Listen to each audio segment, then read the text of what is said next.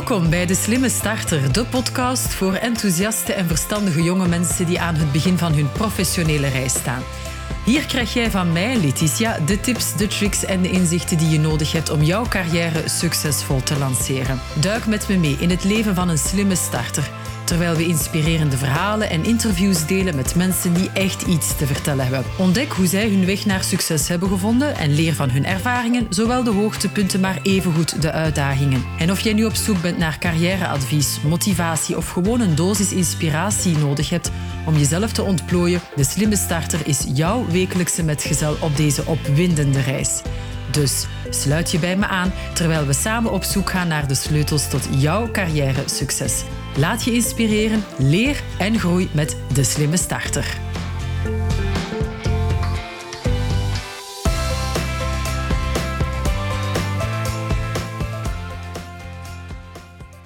Hallo, hallo. Vandaag gaan we het hebben over het niet uitsturen van een sollicitatiebrief, omdat je simpelweg ja, telkens weer een betere en een betere en een betere sollicitatiebrief opstelt en je dus niet op die knop verzenden uh, duwt. Er zijn eigenlijk, als je werkt aan een sollicitatiebrief, verschillende redenen waardoor je je kan laten afschrikken om die te gaan uitsturen. Ik som er eigenlijk twee van de meest voorkomende op. En één daarvan is dat je uiteraard over zo, zo ontzettend veel kennis, capaciteiten, mogelijkheden, competenties en dergelijke beschikt. Dat je uh, ja, dat allemaal wil gepropt krijgen in die ene brief. Je wil uiteraard direct laten zien waarover jij beschikt. En je wil uiteraard je kansen gaan vergroten om te worden geselecteerd. Dat, dat is logisch. Dat wil iedereen die solliciteert. Lijkt mij evident. Nu, we gaan een keer even gaan kijken naar de, ja, hoe zo'n brief wordt opgesteld in de eerste plaats, uit welke delen die bestaat en hoe jij er dan voor kan zorgen dat je toch al je kennis erin kan kwijtgeraken of kan delen, maar de recruiter ook wel ja, gemotiveerd houdt om jouw brief te laten lezen. Eerst en vooral, dat weten we allemaal ondertussen wel, een eh, sollicitatiebrief bestaat uit twee stukken. Ik, ik noem dat meestal een, ehm, een koud gedeelte. Het eerste gedeelte dat is daar waar je je naam noteert, uh, je opleiding, je certificaat en je diploma's eventueel. Uh, ja, je degrees uiteraard. Uh, allerlei jobs die je misschien al hebt gedaan, vakantiejobs of andere jobs in, in, de professionele wereld al.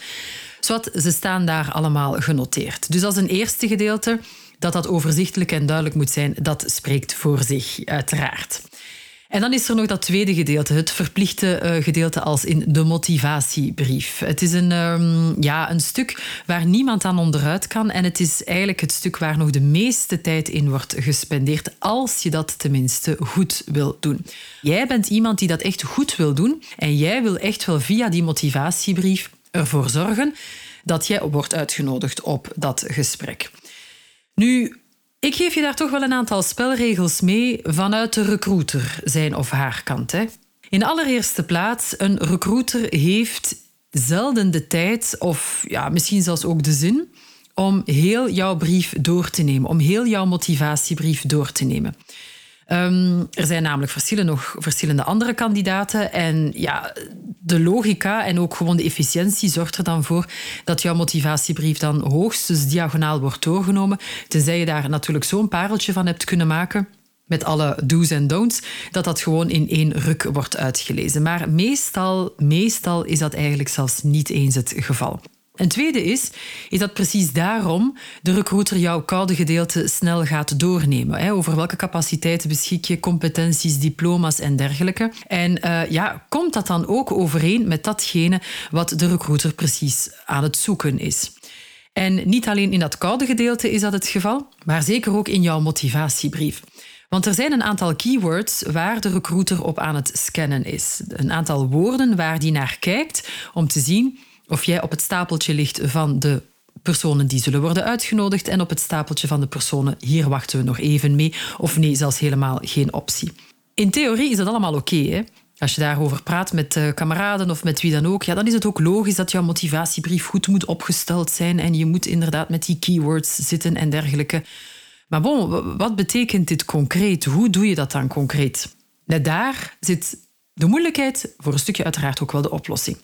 Want in de praktijk is het eigenlijk niet altijd zo duidelijk voor wie solliciteert wat een bedrijf of wat een recruiter nu precies aan het zoeken is.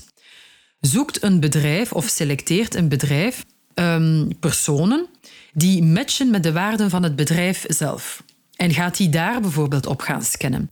Ik heb zo onlangs een gesprek gehad met een bedrijf dat um, vooral en bijna uitsluitend wil werken met mensen die heel ondernemend zijn van aard, insteek, aanpak en dergelijke meer. Als je dat niet weet, of dat is niet duidelijk geformuleerd op de website bijvoorbeeld, dan kan je dat een heel pak minder gemakkelijk in jouw sollicitatiebrief gaan opnemen met andere woorden, je wordt daar dan veel minder gemakkelijk op geselecteerd, laat staan dat je dus wordt uitgenodigd voor een gesprek.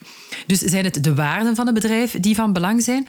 Of zijn het de keywords die in de vacature zelf aan bod komen waar een bedrijf op selecteert? Want die zijn er uiteraard ook.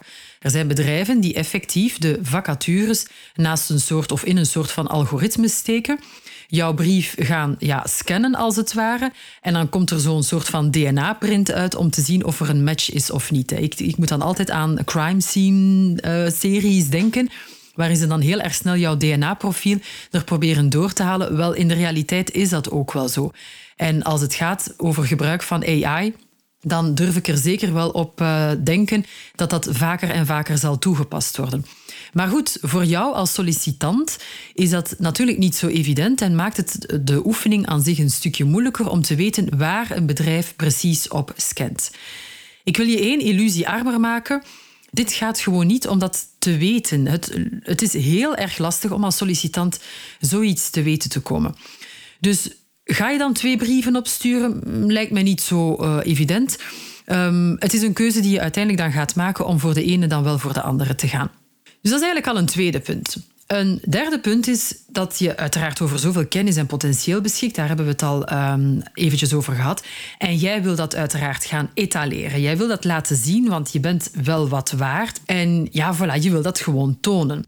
En het is een gigantische uitdaging om dat allemaal te laten zien in één brief. Die dan trouwens ook nog eens diagonaal wordt doorgenomen. Dus ja, doorgaans wordt er dan opnieuw aan die tafel met de kameraden aangeraden om op te vallen. Um, en ja, hoe doe je dat dan? Ja, inderdaad, kijk naar je layout. Beperk je tot een 1 A4, waar je in maximum drie paragrafen jouw motivatie probeert uiteen te zetten. Ja, zonder inleiding en slot uiteraard meegerekend. Dus technisch gezien heb je vijf paragrafen. Dat is zo een beetje de, de, de basic. Maar hier zit opnieuw een gigantische valkuil voor ja, mensen met een groot potentieel, met een, een sterk profiel, met een cognitief sterk profiel, hoogbegaafd, enfin, allemaal bij elkaar. Het is een hele lastige als je je wil gaan aanmelden, want je balanceert constant op die grens van ik wil laten zien wat ik allemaal kan, ik wil laten zien wat ik allemaal weet, maar ik wil ook wel dat die recruiter, dat degene die mijn brief leest, dat die als die het diagonaal doorneemt, dat die ook wel weet wat hij wil weten. Want die wil die ook niet gaan overladen. Het is een hele moeilijke balans en dus is de belangrijkste vraag hier opnieuw, hoe pak je dat aan? Wel, bij deze geef ik je opnieuw graag twee suggesties. Twee eenvoudige suggesties waarmee je al een heel eind verder geraakt. En ik ga het niet hebben over blijf bij jezelf en jouw waarden en jouw kern en dergelijke, want dat is zeker belangrijk. Maar dat is eigenlijk een achterliggende uh, rol of een achterliggende lijn die meer, meer in de schrijfstijl terug te vinden is. Maar twee hele concrete die ik altijd meegeef en die wel duidelijk hun nut uh, hebben bewezen, is dat als bijvoorbeeld op de website van de, het bedrijf in kwestie de waarden staan als um, simpel, uh, duidelijk, eenvoudig, helder, enfin, dit soort woorden allemaal, wel, dan is het voor jou van groot belang dat jij in jouw motivatiebrief geen ellenlange zinnen gaat gebruiken met bijzinnen en nog eens bijzinnen waar je ook geen moeilijke constructies gaat gebruiken. Je houdt het dan simpelweg kort en krachtig. Je houdt het to the point. Dat betekent dus dat je gaat moeten selecteren in wat je wel zegt en wat je niet zegt. Dat je je zinnen ook ja, opnieuw op, op een, een, een level krijgt waar dat duidelijk, simpel, overzichtelijk blijft en niet te complex overkomt. Tenminste, als je voor dit bedrijf zou willen gaan. Merk je bijvoorbeeld dat, um, ik zeg nu maar iets, innovatie een van hun belangrijke elementen zijn? Dat dat iets is wat in de vacature vaak aan bod komt, of bijvoorbeeld ook op de website, of dat ze vooral werken rond innoveren? Wel, geef jij dan een voorbeeld waarin jouw innovatie concreet wordt geïllustreerd. Geef een voorbeeld. Een voorbeeld uit je dagdagelijkse leven, uit een vorige job, uit als je als starter echt begint, dus net afgestudeerd, waarin je dat liet zien in jouw vakantiejob, in de jeugdbeweging. Ja, zoek een context waarin jij dan jouw innovatieve ingrepen eigenlijk kan gaan illustreren. Kan je de combinatie gaan maken, met andere woorden dat dat simpel, helder en duidelijk moet worden geformuleerd, dan heb je in dit geval twee vliegen in één klap. Op zo'n moment kan jij uiteraard niet etaleren en laten zien wat jij werkelijk in jou hebt. Dat weet ik. En dat is kei frustrerend als sollicitant, als iemand die graag wil laten zien wat hij werkelijk waard is. Maar, en dat is een hele belangrijke, jouw brief passeert eigenlijk de, de, de bureau, de, de, de computer van de recruiter. En het is deze persoon die eerst gaat scannen op basis van bijvoorbeeld de waarde van het bedrijf of een aantal keywords die in de vacature staan. Met andere woorden, wat jij dan precies en exact wil gaan delen aan kennis en dergelijke, is nog niet in deze eerste brief van toepassing. Dat komt pas later in het sollicitatiegesprek aan bod, maar nog niet in de brief op zich. Waar je wel jouw kennis en jouw uh, competenties en dergelijke kan laten zien, is bijvoorbeeld in wat ik daarnet het koude gedeelte noemde. Namelijk jouw talenkennis, um, jouw uh, ja, certificaten, jouw deelnames aan bepaalde projecten, events, noem het op. Iets waarin jij jou kan onderscheiden als bijvoorbeeld een ondernemend iemand of een duidelijk iemand, een gestructureerd iemand of wat dan ook. Want dat is ook een laag die zij uiteraard gaan bekijken. Of er een orde is, een duidelijkheid, een structuur is. En dat laat zich bijvoorbeeld dan ook zien in de layout van jouw brief, bijvoorbeeld.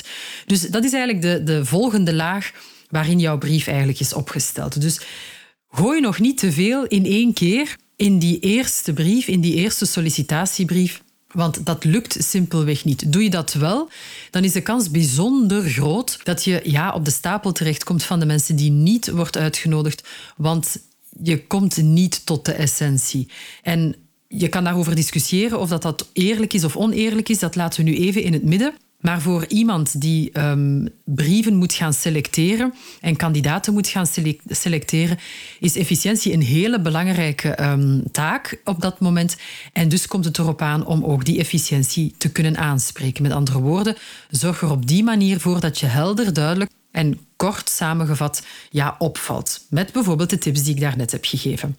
Een, um, een, tweede gesprek dat ik ooit heb gehad met, um, ja, met iemand die net op zoek was naar een job, was dat de voorbereiding, dus dat heeft dan niet zozeer met kennis aan zich te maken, maar dat de voorbereiding van de sollicitatiebrief zo uitgebreid verliep dat ja, opnieuw de sollicitatiebrief eigenlijk nooit werd uitgestuurd. Op eentje na, uiteraard opnieuw.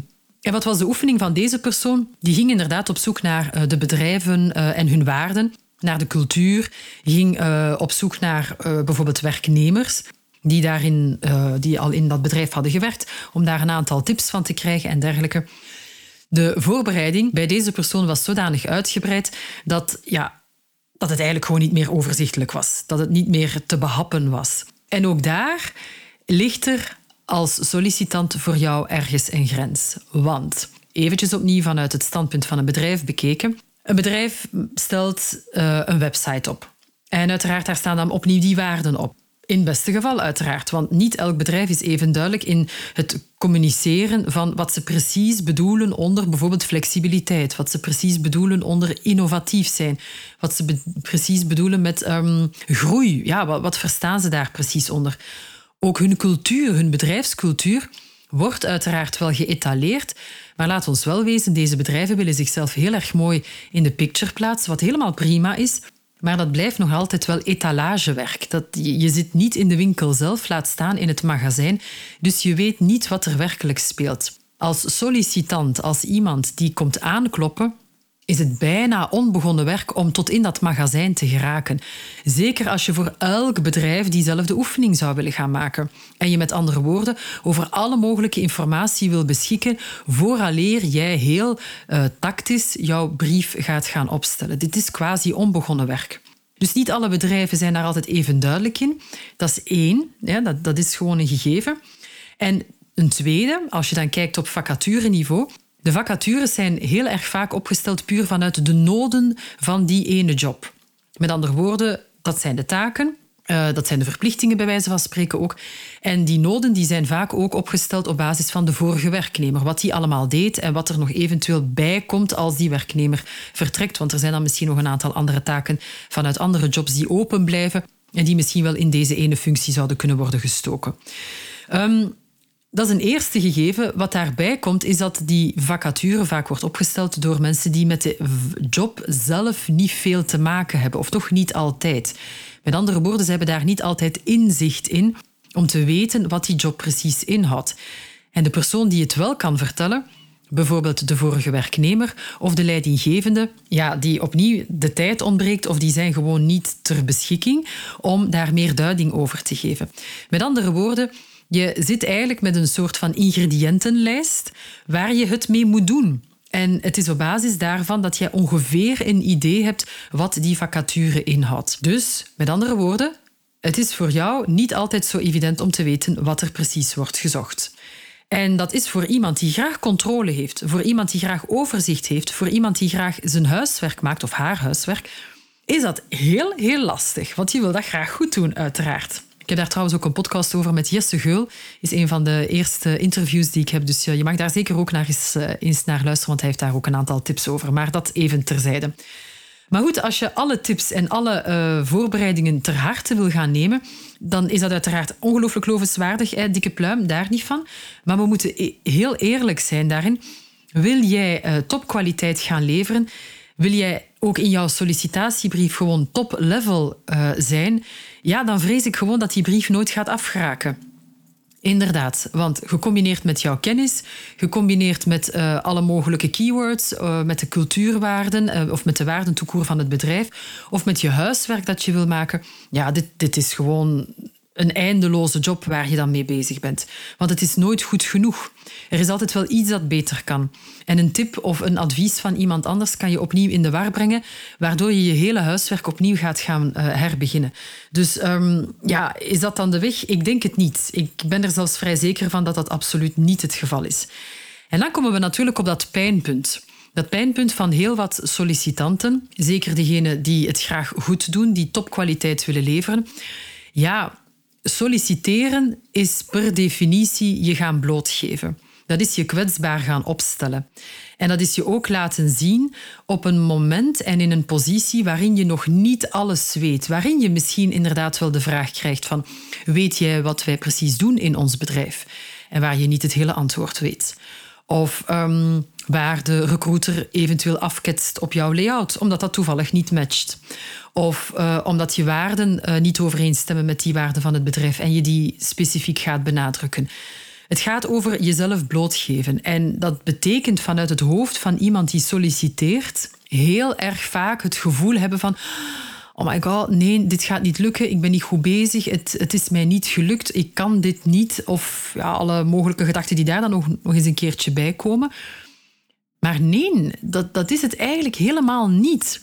Want laat ons daar nu eens een keertje um, heel duidelijk over zijn. Solliciteren is altijd een zoektocht. Dat is altijd de zoektocht naar wat jij voor jezelf aan het uitzoeken bent en effectief de job aan zich ook wel, maar ook waar jij voor staat, wat jij belangrijk vindt, met welke type mensen jij wil samenwerken. Maar omgekeerd ook vanuit het, eh, het standpunt van een bedrijf bekeken, is het ook voor hen van belang om te gaan kijken, ja, wie past hier eigenlijk in de functie die wij um, hebben opgesteld? Uh, past deze persoon in onze bedrijfscultuur? En er zijn echt wel wat bedrijven die een zeer specifiek profiel voor ogen hebben en die eigenlijk al bij een eerste gesprek weten ja of nee. Maar als sollicitant, als buitenstaander, is dat zo moeilijk om dat te gaan inschatten en je daarop te gaan voorbereiden, dat je dit onderdeel van de voorbereiding eigenlijk gewoon ja, bijna niet kan gaan voorbereiden. Met andere woorden, ja, je blootgeven en je laten zien betekent dus inderdaad afgewezen kunnen worden. En dat is waar heel wat uh, ja, sollicitanten het best wel lastig mee hebben. Zeker als daar een gigantische voorbereiding is aan vooraf gegaan. Wat ervoor zorgt dat ze de volgende keer nog meer gaan voorbereiden.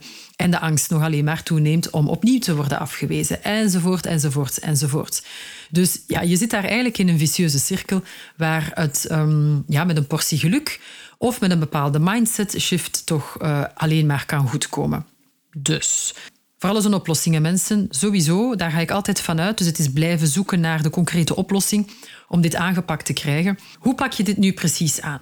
Wel, wat ik tot nu toe heb ondervonden, um, door zelf in gesprekken te gaan, maar zeker ook door de mensen die ik begeleid, is inderdaad zoeken naar de waarde van het bedrijf. Zoveel zij zeggen, zoveel kan jij gebruiken. Kijk ook naar de keywords in de vacature. Opnieuw, zoveel zij aangeven, zoveel kan jij gebruiken in jouw uh, sollicitatiebrief. Dat spreekt voor zich. Pas jouw stijl en jouw voorbeelden aan, maar verlies jezelf als persoon daar niet in. En wat wil ik daarmee zeggen? Zoals het voorbeeld daarnet, als zij spreken over simpel, duidelijk, overzichtelijk, maak dan geen lange zinnen, maar behoud wel jouw eigen stijl, jouw eigen schrijfstijl, jouw eigen woorden, jouw eigen karakter. En ja, bots het niet, dan ja, klinkt het. Of hoe zeggen ze dat eigenlijk? Ja, met andere woorden, als het niet matcht, dan is het ook maar zo. Geen erg uiteraard, dat is absoluut geen probleem. Heb je niet meer informatie dan de website en de vacature aanreikt en één of twee gesprekken van ex-werknemers of huidige werknemers, ja, dan kan je ook voorlopig niets extra doen. Je kan ook niet meer gaan doen. Dus je gaat aan de slag moeten gaan met de informatie die je op dat moment hebt. Maak er jouw eigen brief van in jouw eigen woorden, maar laat die zeker ook nalezen. En ook hier, oké, dat, dat weet iedereen, maar kies wel de mensen uit die jou effectief kritische feedback geven. Kritische feedback waar je iets aan hebt. Feedback waar je effectief informatie uithaalt. Want jij weet, jij weet ongelooflijk goed dat als jij jouw brief laat lezen door iemand die ja, alleen maar mooie dingen tegen jou zegt, wie dat, dat ook mag zijn, uh, je, een van je ouders, je grootouders, je vriendin, je vriend, broer, zus, het maakt eigenlijk niet uit, maar iemand van wie je weet dat hij alleen maar gaat zeggen, oh ja, kijk, goed gedaan, oh zo mooi. Dit is een hele mooie brief. Ja, jij weet van, mm, ja, eigenlijk heb ik niks aan deze feedback. Mijn ego is wel eventjes gestreeld, maar eigenlijk weet ik niet of deze brief überhaupt wel goed is. Dus dit is al een eerste oefening in je laten zien, in je kwetsbaar opstellen, namelijk je brief laten lezen door mensen die jou effectief feedback gaan geven waar je iets aan hebt.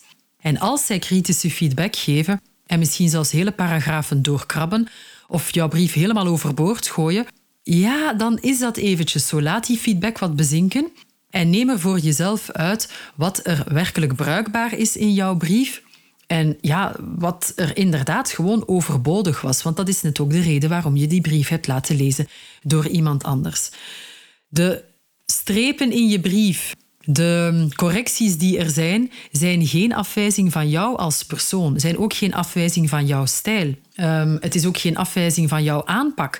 Het is gewoon feedback die je krijgt om jou ja, naar de volgende, het volgende level te krijgen. Zo moet je het eigenlijk echt wel gaan bekijken. Plus, en laat ons ook daar eerlijk in zijn, het is een kleine oefening in inderdaad het solliciteren aan zich, hè, als de uitnodiging dan uiteindelijk zou komen, om ook daar uh, met de, de, correcties en de eventuele afwijzingen uh, om te gaan. Maar bon, eventjes terug, aanvaard de comments met andere woorden, want ze bieden jou altijd nieuwe inzichten uh, om je brief te gaan verbeteren qua woorden, qua zinsbouw, qua formulering. Is het te langdradig en zo verder, om dat dus gewoon te gaan allemaal aanpassen waar nodig. Misschien een open deur intrappen, maar toch, ik geef het mee. Laat jouw brief minstens één dag wachten. Eén dag rusten, eventjes laten bezinken. En dan, uiteraard, de dag nadien ga je daar weer uh, aan beginnen. Maar, en hier zit altijd die gigantische valkuil. Je gaat dan enkel gaan corrigeren op een punt, letterlijk, een komma, een spatie te veel of te weinig. Vermijd zoveel mogelijk om te gaan veranderen in redenering, in opbouw, in woordkeuze, in formulering. Want dan moet je eigenlijk de vorige stappen opnieuw gaan doen. Dan moet je het opnieuw gaan laten lezen door iemand anders. En dan blijf je natuurlijk wachten tot die sollicitatiebrief klaar is. Wat niet jouw bedoeling is, want je bent op zoek naar werk. Jij wil in dat sollicitatieproces terechtkomen. Jij wil op dat gesprek uitgenodigd worden. Dus als je daar het karakter toont om je te beperken tot de spaties, de punten en de kommas, letterlijk, ja, en dan het meest spannende moment ever, uiteraard, is gewoon klikken op verzenden. Niks meer, niks minder. En nee, je gaat niet klikken op verzenden ongewijzigd of ongedaan maken. Doe je niet, doe je niet. Je houdt je echt 10 seconden stil. Lam, maakt niet uit. Je houdt het gewoon rustig. En dan is het achter de rug dan is het enkel wachten. Gewoon wachten. Tenzij je natuurlijk nog tien brieven wil sturen, uiteraard, naar andere bedrijven. En dan uh, uiteraard gaat het, um, dat proces ook daar verder. Maar over deze ene brief, daar kom je niet meer aan. Krijg je binnen de kortste keren uh, reactie, dus te beter. Oké, dan kan je daarop verder ingaan. Daar gaan we het zeker ook nog wel eens een keertje over hebben wat je dan moet doen. Krijg je binnen de week geen reactie, wat kan uiteraard, dan is dat niet omdat ze jou zijn vergeten. Dan is dat niet omdat ze jou afwijzen, maar ja, misschien in de veelheid aan profielen die zijn binnengekomen, uh, ja, ben je voorlopig misschien nog niet aan de beurt gekomen. Dus je kan dan simpelweg opnieuw een mailtje sturen en aangeven van kijk, ik heb die brief gestuurd. Heb je deze goed ontvangen? Uh, mocht je nog vragen hebben, Voilà, ik ben altijd bereid tot meer informatie bijvoorbeeld. Met andere woorden, je checkt een klein beetje of ze jou niet vergeten zijn. Dat is één iets. En aan de andere kant kom je zo weer bovenaan in het bakje. Um, vroeger werd dat zo voorgesteld van alle uh, vragen en brieven. De stapel wordt alleen maar groter en groter.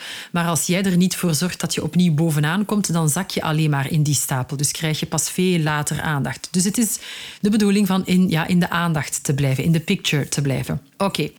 Heb je na een tweede week of misschien een derde week nog altijd geen reactie, um, dan kan je het nog één keer proberen, uiteraard. Bij mij is dat de heilige drie altijd. Uh, dan ga je nog een derde keer eventueel contact opnemen. Maar blijft de reactie dan ook uit, dan laat je het even voor wat het is. Er zijn heel uiteenlopende redenen waarom er niet wordt gereageerd op een sollicitatie. Dat is gewoon zo. Factoren waar je um, aannames over kan doen, maar die jou niets vooruit helpen. Want het, uh, ja, je weet het toch niet, dus waarom zou je er eigenlijk überhaupt over gaan nadenken? Um, met andere woorden, ja, dan is dat eventjes zo. En dan focus je je op de brieven waarop je wel reactie hebt gekregen. Wil dat dan zeggen dat dat bedrijf eentje is die je moet verticaal gaan klasseren en nooit meer moet gaan contacteren, want ze hebben jou niet gezien of gecontacteerd? Dat hoeft eerlijk gezegd niet. Want zoals ik zeg, het kan gaan om tijdsgebrek. Uh, de persoon in kwestie is er misschien een tijd lang niet. Um, het kan zijn dat je effectief niet op dat moment aan de profielen voldoet. Um, en ja, hebben ze dat gewoon nog niet laten weten. Of er zijn nog heel wat andere mogelijke redenen waarom zij jouw uh, brief nog niet hebben beantwoord. Oké. Wat ik dan meestal doe, is dat bedrijf eventjes gewoon in een soort van portefeuille of een mapje steken. En als ik nog geen job heb gevonden, enfin, dat raad ik eigenlijk aan, want ik heb een job, dus het gaat eigenlijk over de mensen die ik begeleid.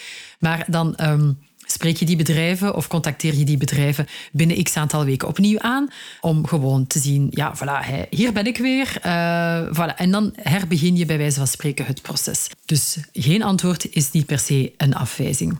Dat is eigenlijk in grote lijnen de essentie voor het maken van een sollicitatiebrief en het voor, ja, eigenlijk er gewoon simpelweg voor zorgen dat die verstuurd geraakt. Het is dus, met andere woorden, een ongelooflijke um, ja, meerwaarde. Het is ook gewoon vooral de, um, een, een kwestie om die balans te gaan vinden tussen jouw eagerness om te laten zien uh, wat je waard bent, om je, om je te laten opvallen en, en, en, en je goed voor te bereiden aan de ene kant. Hè, dus alles wat eraan vooraf gaat aan de ene kant. Maar aan de andere kant er ook voor te zorgen dat het um, recruteringsproces aan zich zijn werk kan doen. Want opnieuw, je kan daar oordelen over hebben of ideeën over hebben of aannames over hebben, alles erop en eraan. Voorlopig is het systeem voorlopig wat het is. En dat betekent dat jouw brief diagonaal wordt doorgenomen, er wordt gescand en op basis daarvan word jij uitgenodigd of niet. En dan gaat het er hem over om jou even in te houden om heel jouw verhaal te gaan doen in één mail of in één brief, maar om daar even mee te wachten tot jouw volgende gesprek of op het eerste gesprek of eventueel zelfs de ronde daarna. Dat gaat eigenlijk over geduld. Dat gaat over ja, jouw inhouden, als het ware. Dat is een hele lastige, dat is een hele moeilijke. Daar gaan we eens een andere aflevering uh, aan wijden. Vandaag gaat het vooral over hoe jij jouw brief zo kan gaan opstellen dat je toch leert loslaten, dat je toch um, de waarde eventueel erin meeneemt, dat jij jouw potentieel erin laat zien en dat jij ook uh, ja, dat voorbereidingswerk kan doen en de recruiter zijn of haar werk kan laten doen. Dus met andere woorden, ja, jouw potentieel kan je laten zien, maar daar heb je um, het koude gedeelte voor, het eerste gedeelte voor. Als het gaat over de motivatiebrief, ja, de waarden van het bedrijf, uh, neem ze mee in je brief. Of uh, de keywords in een vacature, neem ze mee in je brief wat jou het meest relevant lijkt op dat moment hou je even in. En ik weet, dat is een hele lastige, dat is echt een mega lastige, maar helaas, het moet. Er is eigenlijk voorlopig op, in dit stadium is er nog geen andere um, optie. En dan laat jij op die manier uh, de recruiter de kans om zijn of haar huiswerk te laten maken. En pas in een volgende etappe kan je iets meer van je laten zien en dus eigenlijk tonen wie je bent en ja, wat jij voor het bedrijf kan gaan betekenen. Want geloof mij, echt waar, bedrijven zijn op zoek naar jou. Ze zijn echt op zoek naar jou. Maar ook zij zijn aan het zoeken. Ja? Dus ook zij zijn aan het zoeken naar hoe ze dat op een zo efficiënt mogelijke manier kunnen doen. Dus voilà, speel op die efficiëntie in en hou je nog even in en laat je tegelijkertijd zien. Zoek die balans. Probeer. En ah ja, uiteraard, want ik zou het bijna gaan vergeten. Een nee of geen reactie is geen afwijzing. Absoluut niet. Integendeel zelfs. Er zijn heel wat redenen waarom jij daar eventjes niet voor in aanmerking komt. Maar het betekent vooral niet dat je je volgende brief nog moet gaan verbeteren en nog moet gaan verbeteren. Nee, stick to the plan. Hou je daaraan en vroeg of laat word je er wel eens een keertje in uitgepikt om op gesprek te gaan. Dus um, voilà, dat was het voor vandaag. Heb je vragen? Heb je suggesties? Heb je uh, uitdagingen? Noem het op. Spreekt voor zich. Laat het dan weten. Maar uh, dit was het voor vandaag. Dus um, ja, je sollicitatiebrief afkrijgen en gewoon duwen op die knop verzenden. En voilà, de rest is dan voor een volgende keer. Tot later, bye bye.